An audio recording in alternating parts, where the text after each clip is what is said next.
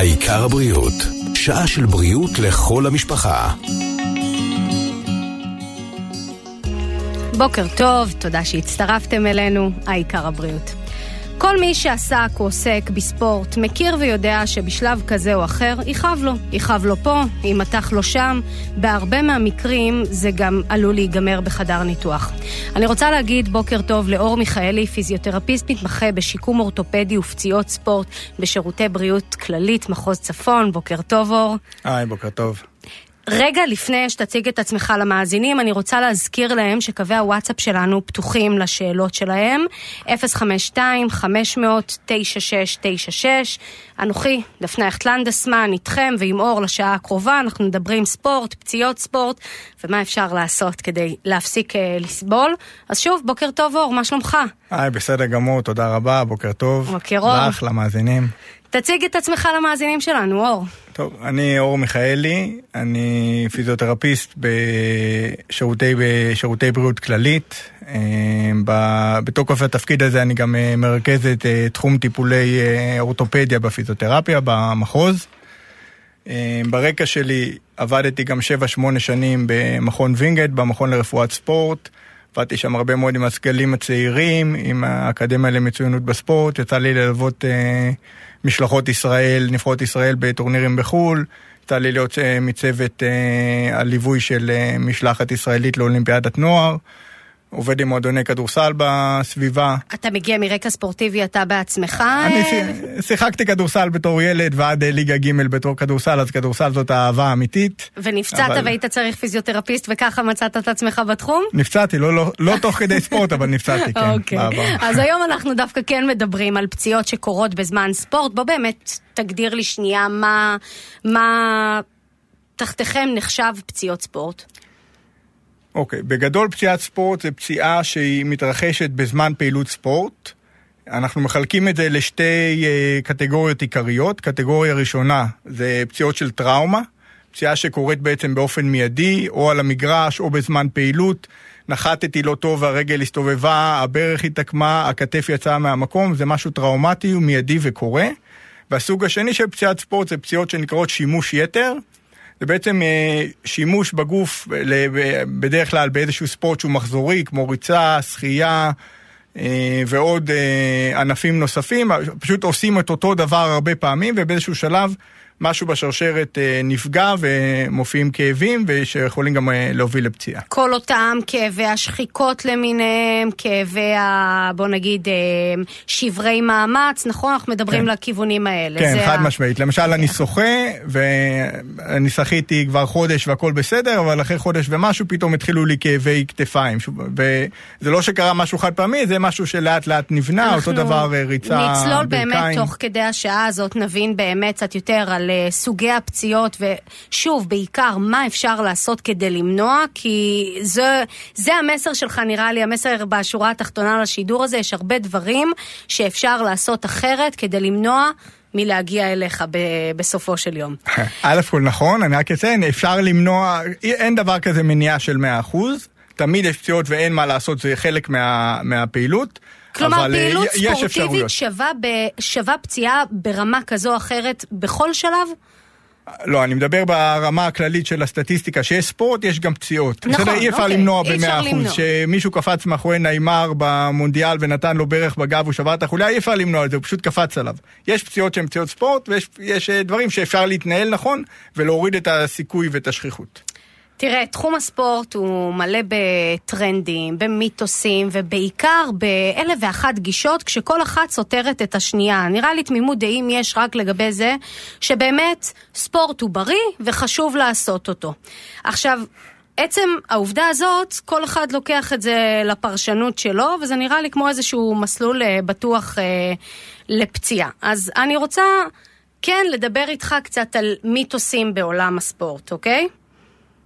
בסדר גמור. רק... אתה איתי אור. אני איתך, חד משמעית. רק כי אוקיי. את אמרת שכולם מסכימים על זה שספורט זה בריא, אז אני גם מסכים. אז גם על זה? אה, אוקיי. אני גם מסכים, אבל אני רק אומר שספורט ברמה קיצונית, ספורטאי עילית שמביאים את הגוף שלהם לקצה, אז שם יש לפעמים על זה חילוקי דעות, אבל ברור שספורט זה משהו שנחשב בכל שבוע אני ככלי טיפולי הכי מארחת טוב. כאן, אה, אתה יודע, רופא אחר וזה, ותמיד, בין אם אנחנו מדברים על אה, אה, סרטן, או בין אם מדברים על... אה, אה, אתה יודע, אנשים מבוגרים יותר, תמיד כשאני שואלת אותם, אז מה כדאי לעשות כדי להימנע? זה תזונה נכונה ופעילות ספורטיבית. נכון, פעילות התשובה. גופנית, חד משמעית, כולם כן, מסכימים שזה... זה, זו התשובה של כן. כולם. No pain, no gain. אין כאב, אין רווח. יש איזו סברה כזאת, ש...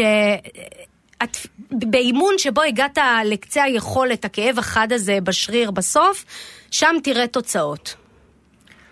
אוקיי. אמ, זה לא לגמרי מדויק. אוקיי. בסדר, אנחנו, בעיקר כשאנחנו עובדים ורוצים לחשוב לטווח הרחוק, טווח ארוך, אנחנו תמיד צריכים לעשות איזושהי פעילות שהיא הדרגתית. אנחנו צריכים להתחיל בצורה שהגוף שלנו מוכן אליה, אמ, ו- ובנוי ויכול לעשות את, ה- את הפעילות הזאת. עכשיו, נכון שבזמן פעילות גופנית יכולים להופיע כאבים, בסדר? שעוברים ממקום למקום. אני, אני רץ עכשיו, כואב לי פעם בברך, פעם באגן, פעם בגב, פעם בשרירים, הכל בסדר. אבל אם הגעתי למצב שכואב לי נקודתית בנקודה מסוימת, נניח כל פעם שאני רץ כואב לי בחלק הפנימי של הברך, וזה עדיין ממשיך אה, לכאוב ככל שאני ממשיך, אז אולי כדאי לעצור רגע ולבדוק את הבעיה. זה לא ש... אני לא צריך...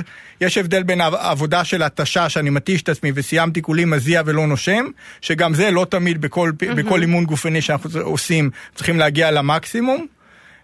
לבין אה, שיש לי no pain no game, שיש לי כאב ספציפי, אבל אני בכל זאת ממשיך עליו כי אני לא נשבר. ניסיתי כמה וכמה, אתה יודע, סוגי ספורט, ופגשתי במהלך הדרך כל מיני סוגים של מאמנים, שתמיד שנגיד אתה עושה איזשהו תרגיל ועובד על שריר מסוים, אומרים לי, כשאת מגיעה לכאב, תני לי עוד שמונה חזרות במקום שהכי כואב לך שם. אתה יודע שהשריר נסחט, זה... אנחנו מדברים פה על נזק, זה נכון לעשות, זה לא נכון לעשות. שמעי, יש... אה, קודם כל זה, זה רחב ותלוי וזה מאוד uh, משתנה, להגיד עוד שמונה חזרות זה באמת, uh, אתה יודע, זה, זה, גנרי, זה תלוש. כן. אבל יש הנחיות של ה-ACSM, שזה הגוף האמריקאי ש, ש, שמתעסק ברפואת ספורט, שהוא אומר איך, מה, מה תרגילי ההתנגדות ואיך כדאי לעשות את זה. אז שם מדובר באמת שבסוף... החזרות התנגדות שאנחנו עושים בעבודה עם משקולות או עבודה עם איזושהי התנגדות חיצונית אחרת, בשביל להגיע לשיפור משמעותי אנחנו רוצים להגיע להתשה של השריר. בסדר? אבל יש איזשהו מונח שנקרא 1RM, אוקיי? שזה החזרה עם המשקל המקסימלי הבודדת היחידה שאני מסוגל לעשות. נניח אני מסוגל להרים 20 קילו, פעם אחת בלבד, ואחרי זה אני כבר, אה, אני, נופ... אני לא מסוגל לעשות את זה יותר. אוקיי? אז זה האחד הראם שלי, ומשם גוזרים אחוזים ורואים באיזה אחוזים צריכים לעבוד. אז בשביל לעבוד למשל על אה, כוח מרבי, אז אנחנו עובדים בין 70 אה, ל-100 אחוז, ואם אנחנו רוצים רק לעבוד על איזשהו חיזוק כללי, נעבוד על בין 60 ל-80 אחוז. אז ההתשה הזאת, אנחנו רוצים להגיע אליה, השאלה אחרי כמה חזרות, והש... ו... עוד מדד שמאוד חשוב שם זה איכות הביצוע. אם בסוף אומרים לי בוא תעשה עוד כמה חזרות, אבל כבר הביצוע שלי הוא כבר לא איכותי. הגב כבר נחלש, הבטן לא מחזיקה. נכון, הזוויות של המפרקים לא נכונות. אני יכול להוביל את עצמי למקומות שאני לא רוצה אותם. אז נכון, אני מסוגל לעשות את זה, אבל איכות הביצוע היא לא, היא לא טובה ולא נכונה, ובעיניי הרבה יותר חשוב זה האיכות והאופי הביצוע מאשר הכמות. חימום בתחילת אימון יצמצם את הסיכון לפציעה באופן משמעותי. חד משמעית, כן. כן? כן. אוקיי, כן. סבבה, אתה אומר את זה עם סימני קריאה אחרי זה, כן, יש כאלה... כן, חימום... גם זה יצא לי להגיע לאימון, ויאללה, מתחילים, אין, לא, אין צריך, משמעות. הגוף, הגוף צריך להגיע לאיזושהי מוכנות לפעילות גופנית, כדי שיוכל להתמודד עם האתגרים שעומדים מולו בצורה טובה יותר. מה, אז ממש להקדיש לזה כמה דקות טובות לפני כל אימון, זה, זה מתיחות, ש, זה מה, זה ריצה במקום? א' כל אימון זה מנעד מאוד רחב. מה זה אימון? אם אני עושה איזושהי ריצה קלה... אז יש דבר אחד, או אם אני עכשיו הולך לעשות אימון אינטנסיבי ומאוד חזק. אוקיי, עכשיו, בדרך כלל צריך, החימום צריך להכיל גם אלמנט של תנועה, להזיז את המפרקים, להזרים בהם את הדם, להחזיר את טווח התנועה, וגם איזשהו עניין של עליית דופק, להמריץ את הגוף, להכין אותו יותר לקראת הפעילות. אם, כפי, כפי שתראו בכל, תראי, תראו בכל ענפי הספורט, לפני משחק כדורגל, לפני משחק כדורסל, לפני קרב ג'ודו יש את האולם האחורי שבו הם מתחממים. הספורטאי בשביל להגיע בעצם לשיא שלו צריך להגיע לאיזושהי רמת אה, מוכנות. שהיא טובה יותר לפעילות הגופנית. כנ"ל לגבי מתיחות בסוף, ה... בסוף האימון? בסוף האימון, בסוף הריצה, בסוף השיעור פילאטיס, בסוף... כיום, ש... כיום מדברים, יש אה, שתי סוגי מתיחות עיקריות שמדברים עליהן, שהסוג הראשון זה מתיחות דינמיות, שהן תוך כדי תנועה, תוך כדי פעילות, ויש את המתיחות הסטטיות הקלאסיות שאנחנו מכירים מפעם, שיושבים בסוף האימון והם מותחים את הרגל אחורה בישיבת משוכה ול-20-30 נכון. שניות. שוב, כמו שאמרתי, עניין המניעת פציעות הוא מאוד רחב, המנעד הוא מאוד גדול, ויש על זה, כפי, את יודעת, בסוף פציעת ספורט זה הרבה מאוד כסף, ואיפה שיש כסף אז אה, אנשים מנסים, קבוצה, קבוצה מקצוענית רוצה לדאוג שהשחקנים שלה כמה שפחות ייפצעו. אז יש על זה הרבה מחקרים ובדיקות לראות אה, מה מונע את הפציעות. אוקיי, אז מתיחות לא נמצא באופן גורף כמונע, mm-hmm. מתיחות הדינמיות זה חלק מהחימום. וכן, האנשים שמרגישים בסוף שהם דפוסים בסוף פעילות אה, גופנית אה, יכולים לעשות את המתיחות, אבל להגיד לך שמי שלא יעשה מתיחות אה, הוא בהכרח ייפצע, זה לא חד משמעית נכון. יחד עם זאת אני אציין שמי שיש לו הגבלות בטווחי תנועה והוא מרגיש שהוא לא גמיש, בסוף הפעילות לעשות אה, את המתיחות זה זמן שהוא טוב, הגוף חם, זה זמן טוב להעריך את השרירים שלנו. נשמע שלהזיק זה לא יכול להזיק. לא, כל עוד אנחנו עובדים בגבול הסביר ואני לא נכנס לאיזושהי מתיחה שהיא מאוד חזקה וגורמת לי לכאב משמעותי, זה לא, זה לא אמור להזיק. אגב, אנחנו צריכים לפחד מאותה תחושה של שרירים דפוסים ביום שאחרי, או ההפך, זה אומר שעבדנו, לא עבדנו? מתי יודעים שזה באמת כאב של שריר תפוס, או שמתחנו משהו, עשינו לעצמנו איזושהי פציעה שהיא לא נכונה? אוקיי, טוב. השאלות שלכם איכשהו אה, מאוד רחבות, זה נשמע קל, אבל זה אה, לא תמיד.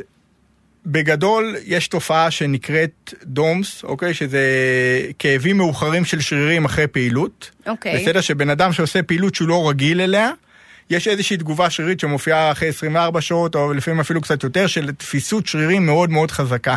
אוקיי, אנחנו רואים את זה הרבה פעמים בתחילת עונה, וגם תראו, גם בן אדם מהאוכלוסייה שהרבה, הכללית, שהרבה שנים לא שיחק כדורגל, הולך לשחק עם החבר'ה, אחרי זה כמה ימים הוא תפוס כולו. איך אני יודע אם זה טוב או לא טוב?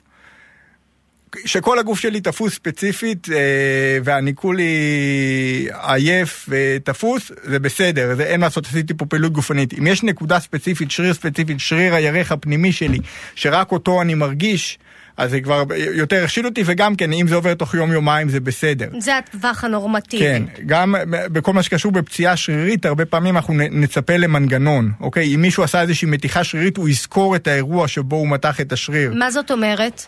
זאת אומרת שהוא הלך ופתאום הרגיש מתיחה חזקה במפסעה, או הרגיש בירך האחורית. הוא ירגיש את הפציעה השרירית. אם עכשיו קראתי שריר, אני ארגיש את זה. זה לא משהו שקורה לי על הדרך, אוקיי? זה לא אחרי 24 שעות אני פתאום מתחיל להרגיש mm-hmm. שהשריר שלי נקרע, אוקיי? ואני גם אצפה לראות הגבלות בטווחי תנועה, אני אצפה לראות נפיחות. אם שריר באמת נקרע, אני אצפה לראות גם שטף דם. בסדר? אם, אם יש לי איזה אור מתוח וכמה ימים אין שטף דם, אז כנראה שלא נקרע שם משהו גדול לפחות. אה, ובמקרים כאלה, כבר נגענו בזה, של קרע בשריר, נגיד כן. עשיתי איזושהי תנועה לא נכונה במהלך אימון, הגעתי לקצה החוב, ובאמת עשיתי איזשהו נזק. כן. כואב לי כבר מאותו הרגע, ומאז לא משחרר. אוקיי. ما, מה, מה מכאן? יש מה לעשות? כן. פונים ישר, כל... לנסות לתת לזה מנוחה ישר, לנסות לשים אה, אה, קומפרסים קרים, מה, איך מתמודדים בזה, עם זה לפני או... שהולכים לטיפול? אוקיי, אז קודם כל תלוי, אה, שוב פעם זה תלוי, אבל תלוי באיזה אזור בגוף, למשל השריר התאומים, שהרבה פעמים האנשים ממש מרגישים שכאילו מישהו זרק להם איזושהי אבן על, ה, mm-hmm. על הרגל אה, מאחורה. באמצע ריצה יכול כזה להיתפס באופן... כן, הרבה פעמים זה דווקא ב, באמצע ריצה זה קורה, אבל זה, יכול, זה קורה יותר בפעילויות עם בלימות ועצירות, פתאום יש איזשהו עומס מאוד חזק על השריר. בריצה שאני רץ ריצה ישרה, רגילה, זה קצת פחות שכיח, קורה, אבל, אבל לא תמיד. אה, וכן, מה, קודם כל מומלץ דבר ראשון לנוח, אם הרגשתי באמת כאב שהוא חד, אז לא להמשיך את הפעילות על זה, כי אני יכול להחמיר את הנזק. קרח, למרוח אה, משחות למיניהם, אה, אפשר טראומיל ואפשר גם עוד כל מיני משחות. אז רגע, קרח, לא לחמם, מה נכון? לא, לא קר, לחמם. אם יש לא נפיחות, חם. אוקיי. נפיחות, שטפי דם לא מחממים, כי זה רק אה, מחמיר את, ה, את הזרימת דם לאזור, אנחנו מקררים. בסדר, אנחנו רוצים לה, לה, להקטין את... אה, צוואר תפוס, אה, רגל תפוסה. רגע, רגע, לא, לא. אוקיי, זה כבר, לא, שנייה, אה, שנייה, זה כבר. הלכתי. אם, אם למישהו אה, נתפס הצוואר, נתפס לו שריר, יכול לחמם, אין עם, זה, אין עם זה שום בעיה. אבל אם מישהו עשה נקע קרסול למשל, שה, שהרגל פתאום התנפחה, מישהו עשה קרע בשריר, כמו שדיברנו, והרגל שלו ככה הרגיש כאב מאוד חד, לא זה לחמם. דורש קירור. כן, זה אוקיי. דורש קירור, כן. בסדר גמור. עכשיו תראה, רוב האנשים, אני לא מדברת על, אה, על אה, ספורטאים מקצועיים, הופיע להם כאב, אוקיי? בין אם זה אפילו קרע או משהו רציני, ינוחו, לא עשו פעילות ספורטיבית, נגיד ייקחו שבועיים, שלושה חופש אה, מהמכון, ינוחו, יחזרו לפעילות. יפסיק לכאוב להם, יחזרו לאותה פעילות, לאו דווקא יספיקו להגיע לזה. זה יכול להירפא מעצמו, או שזו טעות קריטית לחזור ל... אם הפסיק כל- לכאוב חוזרים, הוא צריך בכל זאת ללכת לראות אה, א' פיזיותרפיסט. כל, רוב האנשים אה, זה מה שהם יעשו באמת, הפסיק לחוב ויחזרו לעשות את הפעילות, והרבה פעמים זה יהיה בסדר וזה ככה יצליח. חשוב להבין שאם מדובר על מנוחה שהיא יותר מכמה ימים, שבוע, הזמן, הזמן שבו שהיינו והיינו במנוחה ולא התאמנו, בעצם היכולות הגופניות שלנו ירדו. אני לא יכול אה, להיות באיזושהי נקודת שיא שאני מתאמן חזק, ואז להיות פצוע בערך חודש, להיות בצד, לא, לא להתאמן כי כואב לי, ואז לחזור בדיוק לאותה נקודה שבה הייתי, כי מהר מאוד אני עלול אה, לחזור על אותה פציעה. בסדר? החזרה מפציעה זה, זה משהו שחייב להיות הדרגתי, בסדר? גם, גם כשאנחנו מדברים על ספורטאי אה, אפילו מקצועי שהיה שבועיים בצד, אז הוא בהתחלה חוזר בצורה יותר הדרגתית, כי כל הקבוצה כבר רצה והכושר שלה הוא במקום אחד והוא נמצא במקום אחר. מנוחה מוחלטת, אז היא בכלל מומלצת, או רק לתת לאזור ש... אה, שכואב לנו או נפצע את המנוחה, להמשיך אה, כן אה, לעשות דברים אחרים במקביל? שוב פעם, זה תלוי ברמת הפציעה שיש. אם, אם הגוף עכשיו צריך התאוששות שהיא משמעותית, שהייתה פה עכשיו טראומה משמעותית, אז כן, צריך לתת כמה ימים של מנוחה. אבל אם זה לא מדובר על דרמה, או שאחרי הכמה ימים הראשונים שהעסק קצת נרגע והגוף נכנס לאיזשהו איזון, אז כן, אה, מה- שנקרא מנוחה יחסית, אנחנו נותנים לאותו אזור אה, שנפצע. אה, את המנוחה שלו, אבל עובדים ממקום אחר, להפך זה טוב, הרבה פעמים אנשים עם איזה שהם בעיות שהם רצים הרבה זמן, ופתאום הם לא יכולים לרוץ, אבל כן יכולים לשחות, אז ישנו טיפה קצת, יעבדו עם שרירים אחרים, לפעמים יש בזה גם יתרונות. אמרת ריצה, זה אחד ככה מתחומי הספורט שמרגיש לי, אה, איך אני אקרא לזה, הכי פחות אה, בריאים, אבל שוב, אני מניחה שזו לא הגדרה מדויקת. אין מישהו שאני מכירה שרץ, בין אם מתאמן לאיזושהי תחרות, מרתון, זה, שבסופו של דבר לא סיים עם פציעה. לא, לא מכירה אחד כזה. אתה מכיר אחד כזה? מכיר, אבל... כן? אה, אז תכיר לי אותו גם, אני לא יצא לי להיתקל. אחוזי הפציעות הם גבוהים, נכון. בריצה, כי כן. למה? מה אנחנו עושים לא נכון? אמ, קודם כל, לא תמיד סרגל המאמצים הוא מספיק נכון, הוויסות של העומסים שאותו אנחנו עושים. אנשים רוצים להגיע למרחקים אה, מאוד גדולים בטווחים מאוד אה, קצרים, אה, ולפעמים צריך לתת, ללמד את הגוף לבנות להתמודד מול העומסים. ודבר נוסף זה חיזוקים לגפיים התחתונות. מתי שאנחנו באמת מעמיסים ורוצים להעלות את הקילומטראז', יש על זה הרבה עבודות ומחקרים, שחיזוק של הרגליים זה משהו שמשפר ומונע פציעות. כי בעצם אנחנו מאפשרים לרגליים יכולת יותר טובה להתמודד מול העומסים שמופעלים עליהם בזמן כלומר, הפעילות. אימון שהוא לא הריצה, אימון אחר שמחזק את השרירים ב... כן, ספציפית, תוכנית חיזוק לגפיים התחתונות, בין אם אה, סקווטים, חדר כושר, תרגילים בשכיבה, חיזוק ספציפי לשרירי הרגליים, שיהיו חזקים יותר להתמודד עם, אה, עם עצם הריצה. הפעולה עצמה, אבל של ריצה, המכות האלה שאנחנו מקבלים כביכול כשנוחתים על הרגליים. שוב, מרגיש וככה סוברים אנשים, ש... סבורים אנשים שהברכיים נדפקות, שאנחנו ב... קודם כל, זה אחד מה... זה שנוי במחלוקת, יש אוקיי. דעות לכאן ולכאן. כיום רוב הספרות ורוב האנשים תומכים דווקא בריצה, אין על זה איזה שהן עדויות אה, חד משמעיות שה, שהריצה הורסת את הסוסים, יש, יש כאלה שהציגו אפילו עדויות הפוכות, שדווקא העומס הוא עוזר אה, לעצמות להיבנות. בסדר, למשל, הליכה ו- ונשיאת משקל זה דברים שהם עוזרים לחיזוק של העצם. בסדר? אנשים שהם חוזרים, נגיד, לצורך העניין מהחלל, שהם היו בלי נשיאת משקל, אז עושים, עשו להם בדיקות וראו שהרמת הצפיפות עצם שלהם ירדה, כי הרבה זמן הם לא נשאו משקל. בסדר? אז יש יתרונות לכאן ולכאן, ואין עדות חד משמעית ש... שריסה הורסת את הברכיים, זה... אבל זה חייב להיות הדרגתי, ו... ושהגוף שלנו מסוגל להתמודד בזה. אם אני לא רצתי עכשיו כמה שנים ואני מתחיל לרוץ 7-8 קילומטר אה, בלי שבכלל הגוף שלי מוכן, אז. העומס עובר למפרקים, ואז המפרק עצמו סובל.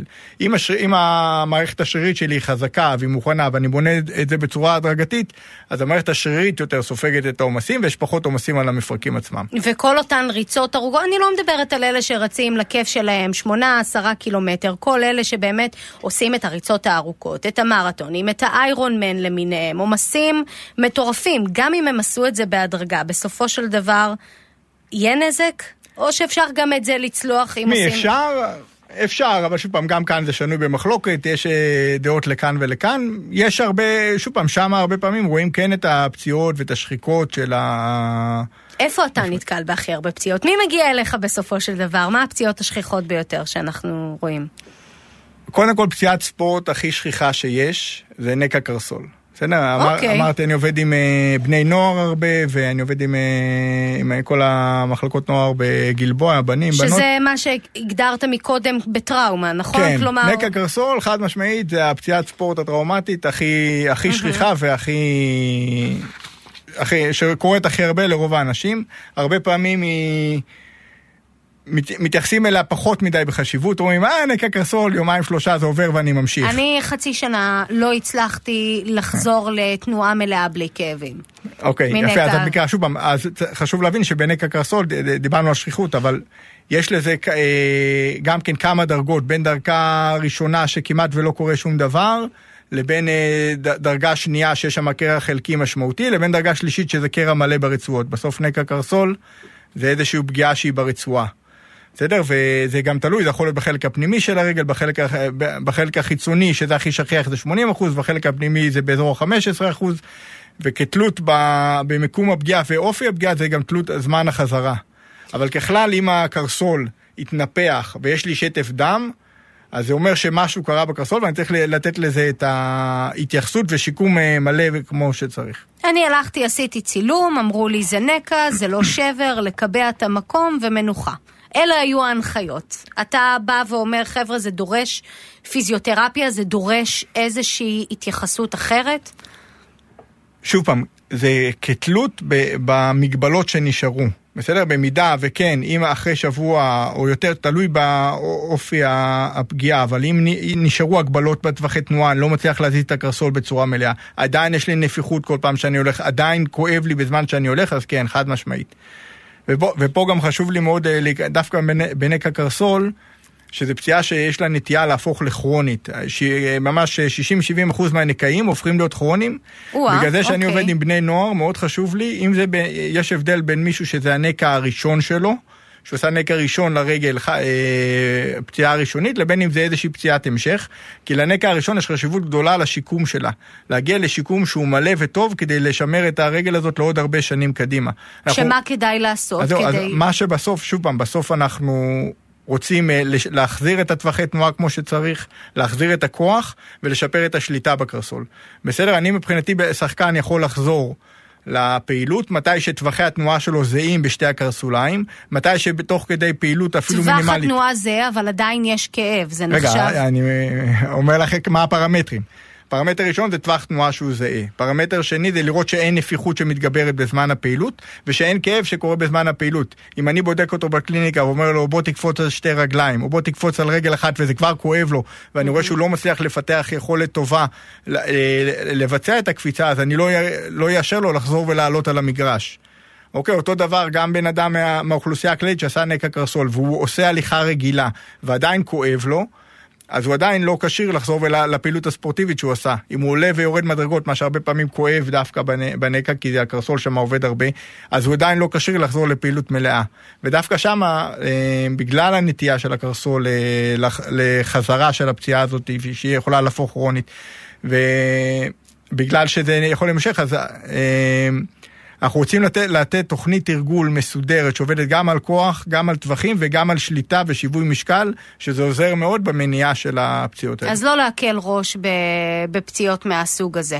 אה, אנחנו חייבים לצאת להפסקת פרסומות קצרה. אוקיי. אנחנו okay. כבר חוזרים, אור. פיזיותרפיסט מתמחה בשיקום אורתופדי ופציעות ספורט בשירותי בריאות כללית מחוז צפון, אנחנו כבר איתכם. העיקר הבריאות, שעה של בריאות, ברדיו כל רגע. העיקר הבריאות, שעה של בריאות, ברדיו כל רגע. תודה שחזרתם אלינו. אנחנו כאן הבוקר עם אור מיכאלי, פיזיותרפיסט מתמחה בשיקום אורתופדי ופציעות ספורט בשירותי בריאות כללית, מחוז צפון. בוקר טוב שוב, אור. היי, בוקר טוב. אני שוב אזכיר למאזינים שלנו שקווי הוואטסאפ שלנו פתוחים לשאלות שלכם, אנחנו מקבלים הכל, 052-500-9696. דיברנו קצת אה, באמת על הפציעות השכיחות יותר לפני הפרסומות, אה, על אה, נקע בקרסול, ומאזינים כותבים לנו על ברכיים. ברכיים, ברכיים, ברכיים, ברכיים. אני רואה את זה בלי סוף. בוא תספר לי קצת על הברכיים. אוקיי, אז גם בברכיים אנחנו מחלקים את זה לפציעות טראומטיות, פציעות של טראומה ופציעות של אה, שימוש יתר. אמ, אז פציעות טראומה הקלאסיות שהמוכרות זה פגיעות במניסקוסים ופגיעה ברצועה הצולבת. מיניסקוס זה אותו הסחוס ש... מניסקוס זה איזשהו אה, גוף סחוסי שנמצא בתוך המפרק הברך שלנו, יש לנו שניים, יש לנו פנימי וחיצוני. אה, הוא עוזר להתאים בין המפרקים של ה... יש לנו את העצם התחתונה של עצם השוק לבין עצם הירך שמתחברות, המשטחים המפרקים שלהם הם לא לגמרי זהים, והם עוזרים, אה, ב... יש להם צורה של מעין חצי ירח. אמ, והם עוזרים ל... להתאים בין המשטחים המפרקיים, הם קשורים ושייכים גם ליציבות של המניסקוס ועוזרים, של הברך, ועוזרים גם בבלימת זעזועים. הבנתי שהרבה מאוד פעמים רופאים ממליצים כשמיניסקוס אה, נקרא לצורך העניין לאו דווקא לנתח, אפשר גם להסתדר בלעדיו, לא? נכון. שוב פעם, גם פה המנעד הוא מאוד גדול, mm-hmm. קרע במיניסקוס הוא יכול להיות רחב, זה תלוי איזה חלק של המניסקוס נקרא.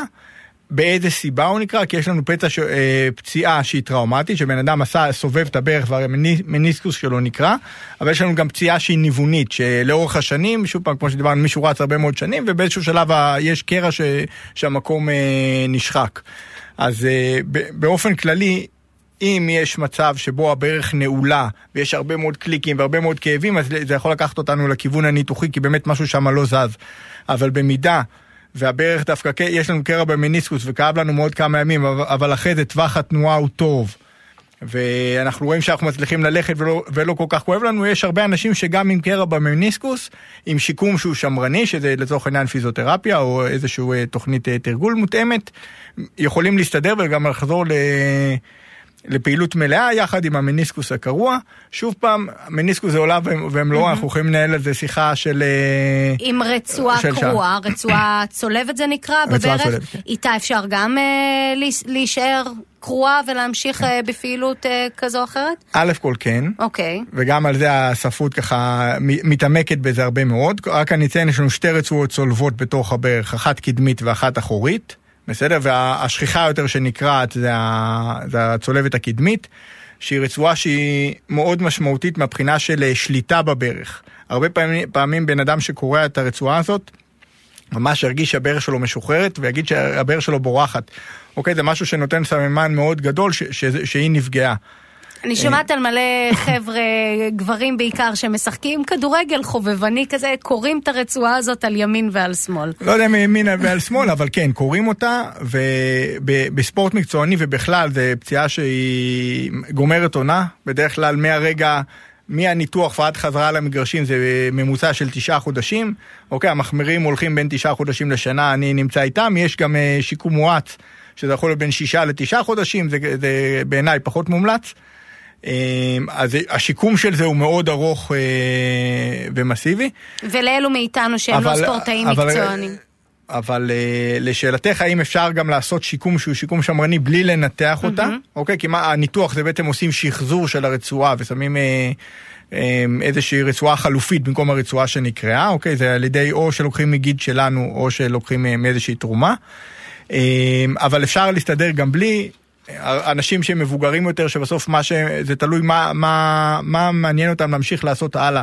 אם מישהו רוצה רק לרוץ בריצות רגילות, לא בהכרח הוא צריך לעשות שזה אנשים צעירים יותר, ספורטאים אה, שעוסקים בהרבה בספורטים, בהרבה ניטורים ובלימות ושינוי כיוון, הרוב נוטים אה, לנתח. שוב פעם, יש גם הרבה גופים ש... שטוענים שלא תמיד חייבים לנתח. אז אה, צריך להבין מה, מה אופי הפגיעה, מה, מה הגיל המטופל, מה הרצון שלו, לאן הוא רוצה להגיע בהמשך הקריירה שלו, בהמשך החיים. יש אחד, לי אחד, בן אדם בן 30 וקצת, שעשה פגיעה בצולבת, אמר לי כל מה שמעניין אותי זה לחזור ולשחק כדורסל עם החבר'ה, והוא לא עשה ניתוח ועשינו אחלה שיקום והוא היום משחק. יש לו איזושהי ברכייה שהוא משחק איתה, אבל לגמרי אפשרי. כשההמלצה בגדול, שוב, כל מקרה כמובן הוא לגופו, הוא לנוח אחרי פציעה כזאת, או ההפך, לחזק את המקום וכן לתת דגש, לחזק את שאר השרירים שהם באזור של הברך? את מדברת או... על צולבת או על פציעה שהיא משמעותית טראומטית? לא, לא, לא, אני מדברת על הצולבת, על הברכיים. לא, אז קודם כל זה, זה פציעה שהיא משמעותית, אוקיי? אוקיי? אי אפשר להמשיך להתאמן עליה. בדרך כלל הברך תהיה נפוחה ומאוד כואבת והגבלות בטווחי תנועה, ושזה המצב בברך. כלומר, אני ארגיש שקראתי את הרצועה הצולבת, זה לא כן, משהו שאני אתבלבל כן. ב... אה, מתיחת שריר או שיהיה לי ספק. לא יהיה פה ספק מבחינת ההרגשה. כן, שוב פעם, יש מקרים שלפעמים אה, ממש מתנועה מיניאטורית, מישהי, אני ראיתי שחקנית שקפצה איזה קפיצה והברך שלה קצת ברחה, אבל היא הרגישה שמשהו קרה בברך. שוב פעם, זה לא תמיד ילווה בכאב מאוד גדול, שזה מלווה בעוד מבנים, זה כן, זה תמיד מלווה בכאב מאוד גדול. אבל כן, מרגישים שמשהו קרה בברך, ואומרים, אני מרגיש משהו משוחרר בברך, אי אפשר לא להרגיש שקרה דבר כזה, ואז לא, לא להמשיך להתאמן על זה. צריך לראות שזה הפציעות המשמעותיות בימים הראשונים בדרך כלל ילכו עם קביים, להוריד עומס מהרגל, לשים תחבושת אלסטית. למי הולכים? אליכם? לפיזיותרפיסט ישר? למי הולכים? לאורתופד קודם? לרופא אם משפחה? הייתה, אם הייתה טראומה משמעותית, שנפלת חבלת ברך שהיא משמעותית, הולכים קודם כל לבדיקה רפואית, צריך לעשות צילום, צריך לראות שלא קרה עוד משהו בברך. משם כבר יופנו אלינו לפיזיותרפיה. שוב פעם, הרבה פעמים, את יודעת, אם, עובדים עם קבוצה, אה, או שאתה, מישהו מכיר אותך, אז הוא מגיע אליך ישירות, ואתה, ויודע להפנות אותו למקומות הנכונים, אבל... אה, בגדול צריך, אם, אם הייתה פציעה שהיא משמעותית, חבלת ברך משמעותית, אה, עם נפיחות והגבלות בטווחי תנועה, צריך ללכת לבדיקה רפואית קודם. עוד ככה כאבים שמטרידים את המאזינים שלנו, כותבים לנו על כאבים בגב, בלט או פריצת דיסק, הרוב פה אומרים שאמרו להם שאין באמת מה לעשות עם זה, הם ממשיכים להתאמן וכואב להם, פשוט כואב להם. אה, מה כן בכל זאת יש לעשות בתחום הזה בתחום שלך בלי ההתערבות הניתוחית, אוקיי. כדי להקל על הכאב? מה שאנחנו רוצים לעשות בעיקר זה לחזק את שרירי הבטן גב, אוקיי? ליצור איזושהי חגורת גב שהיא טבעית, גב, אוקיי? גב זה ג' ו' ו', זה, זה כל החגורה הזאת של מרכז הגוף, זה לא רק הגב ג' ו'. Mm-hmm. ליצור איזושה, איזושהי חגורה טבעית של שרירים, של השרירים העמוקים שלנו, המעצבים שלנו, שייתנו תמיכה ל... בעצם למבנים הפסיביים, לדיסקים, לרצועות שיש שם בגב, ועל ידי כך אנשים יכולים להתמודד יותר עם עומסים. בסדר, דיבר, אמרתי, נתתי את הדוגמה הזאת קודם בברך, שאם השרירים יותר חזקים אז יותר עומס הולך על השרירים ופחות על המפרק, אותו דבר בגב, השרירים שלי יותר חזקים, יש פחות עומס על הדיסקים, פחות עומס על הגב, ואנשים יכולים לבצע יותר פעילויות. וכאן זה דגש מאוד חשוב, נגעתי בזה קצת קודם, איכות הביצוע של התרגול. אם, כמו שאמרת, המאמן אומר לי בוא תעשה עוד שמונה, אבל אני עכשיו, כל הגב שלי כבר שבור ומקובע ואני נמצא בלורדוזה עמוקה שהגב ככה מכופף אחורה, ואני עושה את העוד, אה, מרים את העוד כמה פעמים את המשקל, זה המקומות שבהם אני עלול להיפצע.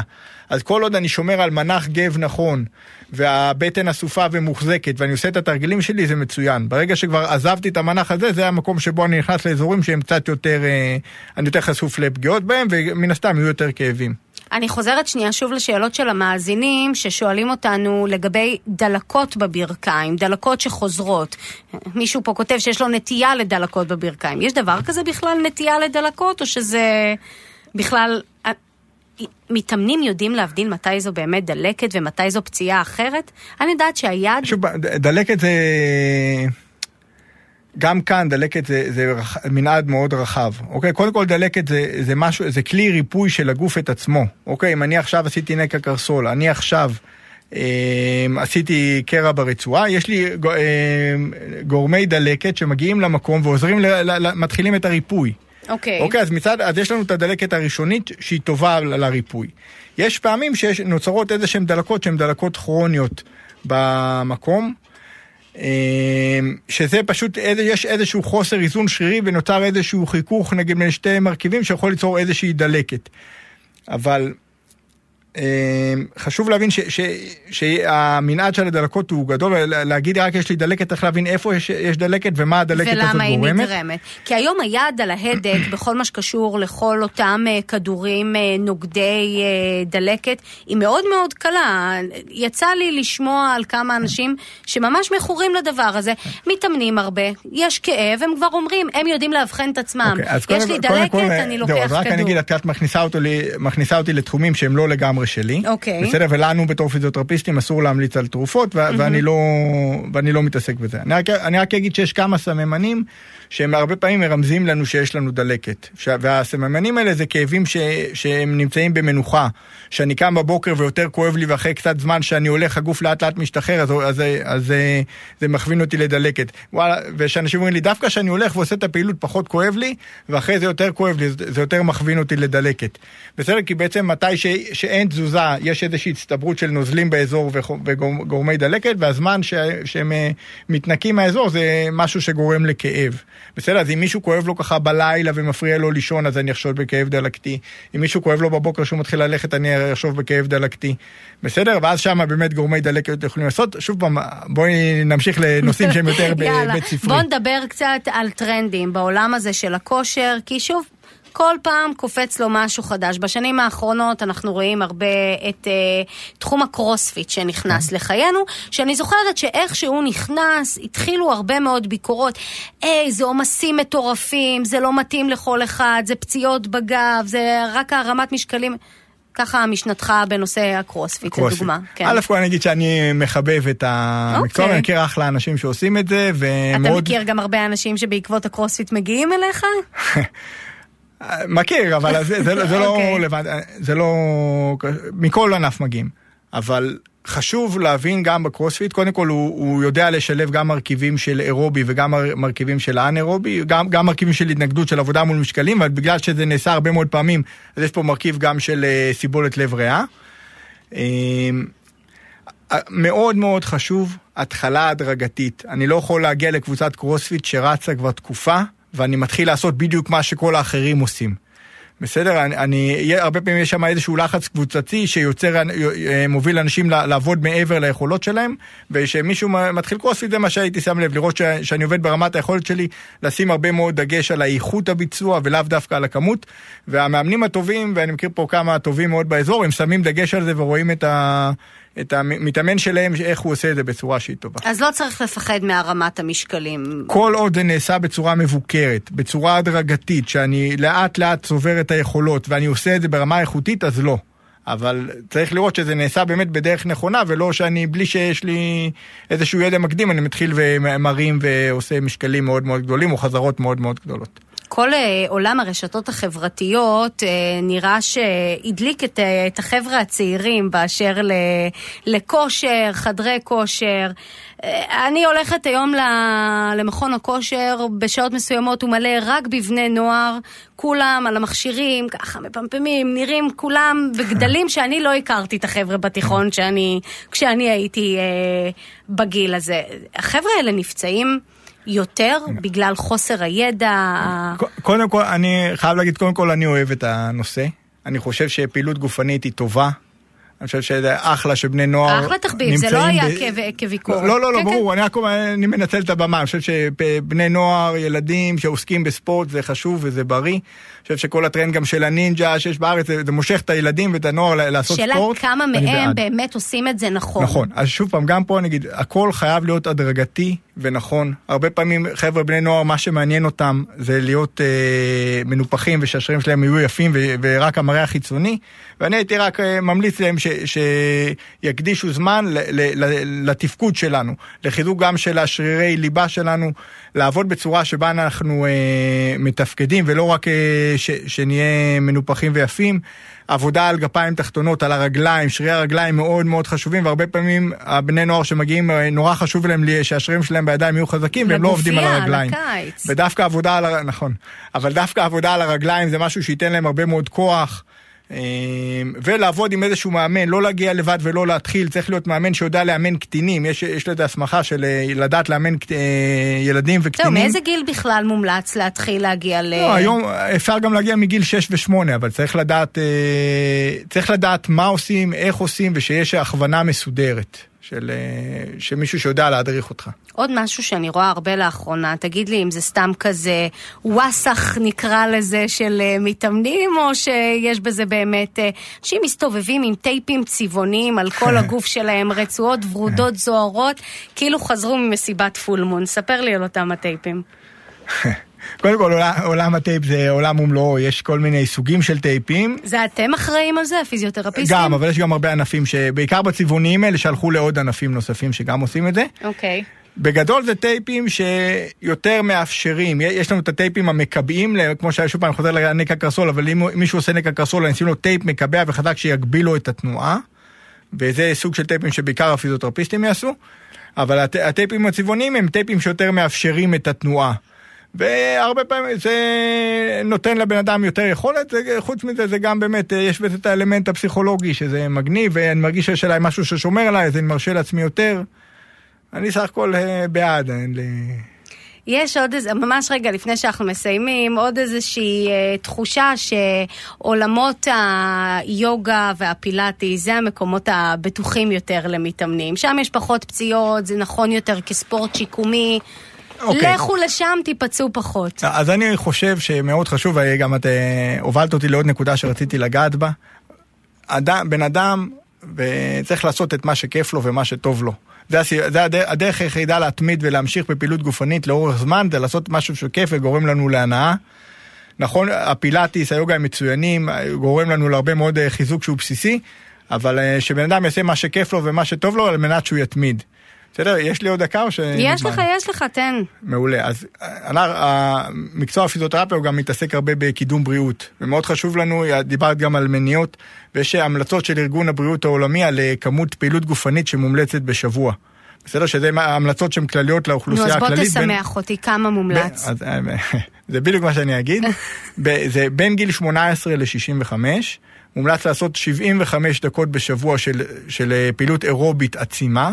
או 150 של פעילות אירובית בינונית, לצורך בינונית לצורך הבינונית קלה זה הליכה, עצימה זה ריצה או משחקי, משחקי כדור אופניים. יש יתרון, יתרון לפ... טוב לכמות כפולה, אבל הבסיס זה מה שאמרתי, 75 עצימה, 150 בינונית.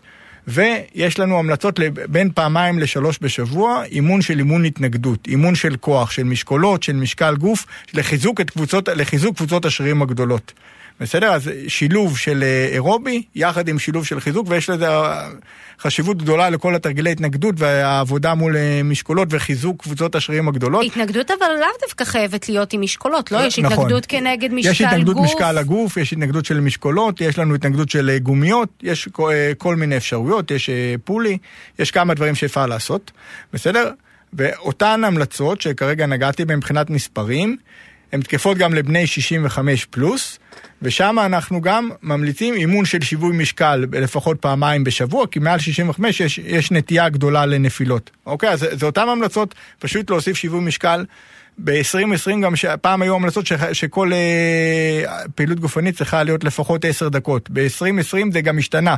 גם אם מישהו יכול לעשות רק 5 דקות זה טוב, זה מצטבר. יש, יש אפקט מצטבר לכלל הפעילות גופנית שאנחנו עושים.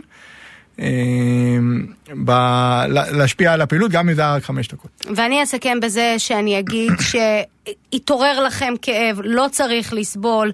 כללית, יש היום שירות מדהים, צריך הפנייה מרופא המשפחה או מרופא אורתופד. פיזיותרפיה, לאו דווקא חייב לרוץ לניתוח, יש הרבה מה לעשות, איך לשקם אזור ולחזור לפעילות מלאה ונטולת uh, כאבים. Uh, אור מיכאלי, פיזיותרפיסט מתמחה בשיקום אורתופדי ופציעות ספורט בשירותי בריאות כללית מחוז צפון. אנחנו נאלצים לסיים את השעה הזאת. תודה רבה לך שהגעת לכאן. תודה לך. רגע, אבל okay. לפני שנסיים, יש לך איזו הקדשה קטנה שרצית לעשות, נכון? חד משמעית, רציתי. הבמה כולה שלך, אור. תודה. אז רציתי להקדיש את השיר אה, כלים שלובים של גידי גוב. לאשתי האהובה שחוגגת 40 ממש ממש בקרוב, וינצל את הבמה לאחל לה המון מזל טוב, ומקדיש לה את השיר הזה. מזל טוב גדול לאשתו של אור, תודה לכם ראות. שהייתם איתנו, תודה לרומק באולפן, יניב שוורץ על הפיקוח הטכני, מיד אחרינו אסנת לסטר עם סיר לשבת, אנוכי דפנה הכט לנדסמן, תתאמנו נכון, שתהיה לכם שבת שלום וסעו בזהירות.